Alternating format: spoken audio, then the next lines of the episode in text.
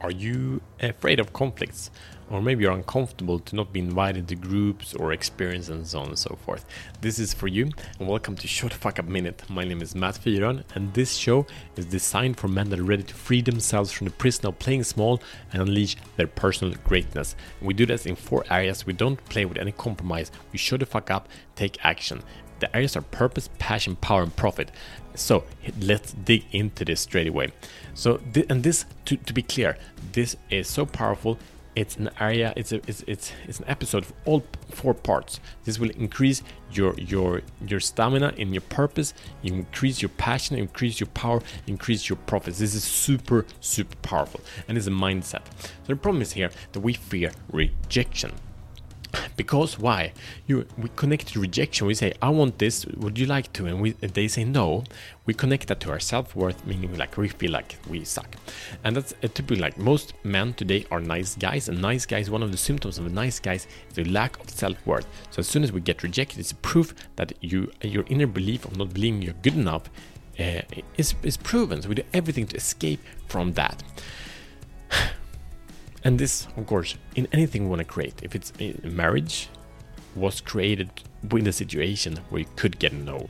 Any business, like start of a business, you could be rejected from the application, and also all your clients, all your uh, suppliers, everything was an opportunity for no. In the fitness, we have resistance all the time. It's like I'm gonna lift this weight no matter how heavy, how how hard it is, and it's the constant rejection that makes it work for us and the health, whatever you speak about, the ability to receive rejection is your ability to receive success. All right, ready for this?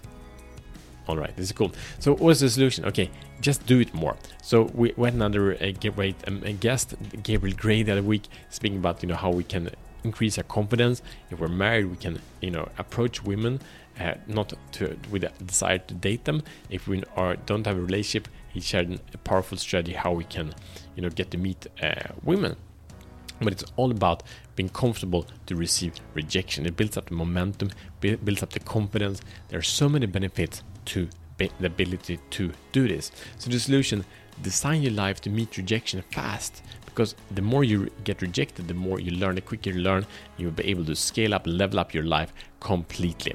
This will blow your mind if you step into this. And we had this this is like the third episode this week touches on this this concept of rejection in one way or the other. But here, uh, it, it basically, again, the final thing on the solution separate rejection from who you are. Rejection equals an opportunity to learning. That's it. So, experiment with a new way to get the outcome you desire. And that's the only thing that rejection means. It might be you approach the wrong person, you might have done it in an ineffective way. So the question would be as soon as you receive rejection, what's a more effective way to get that outcome? Okay, so what do we do here? Number one, identify an area where you want a different result than you have right now. Number two, identify your call to action, meaning whatever it is. So you give an opportunity for rejection, for learning. Most people are kind of like, mm, I don't really say what I want, therefore I'm never rejected. It's really comfortable, but you don't get anywhere. So identify call to actions. If you want to, uh, you know, have uh, make more business, like you say, here's the product, you want it? Like it's a call to action or if if you do it in in in in intimacy and love it's like hey i want to get laid you want to right? Or if you if you want to you know have a, a, workout partner or you want to train someone and you want to be trained it's like hey could you give me some coaching here? Uh, whatever is call to action.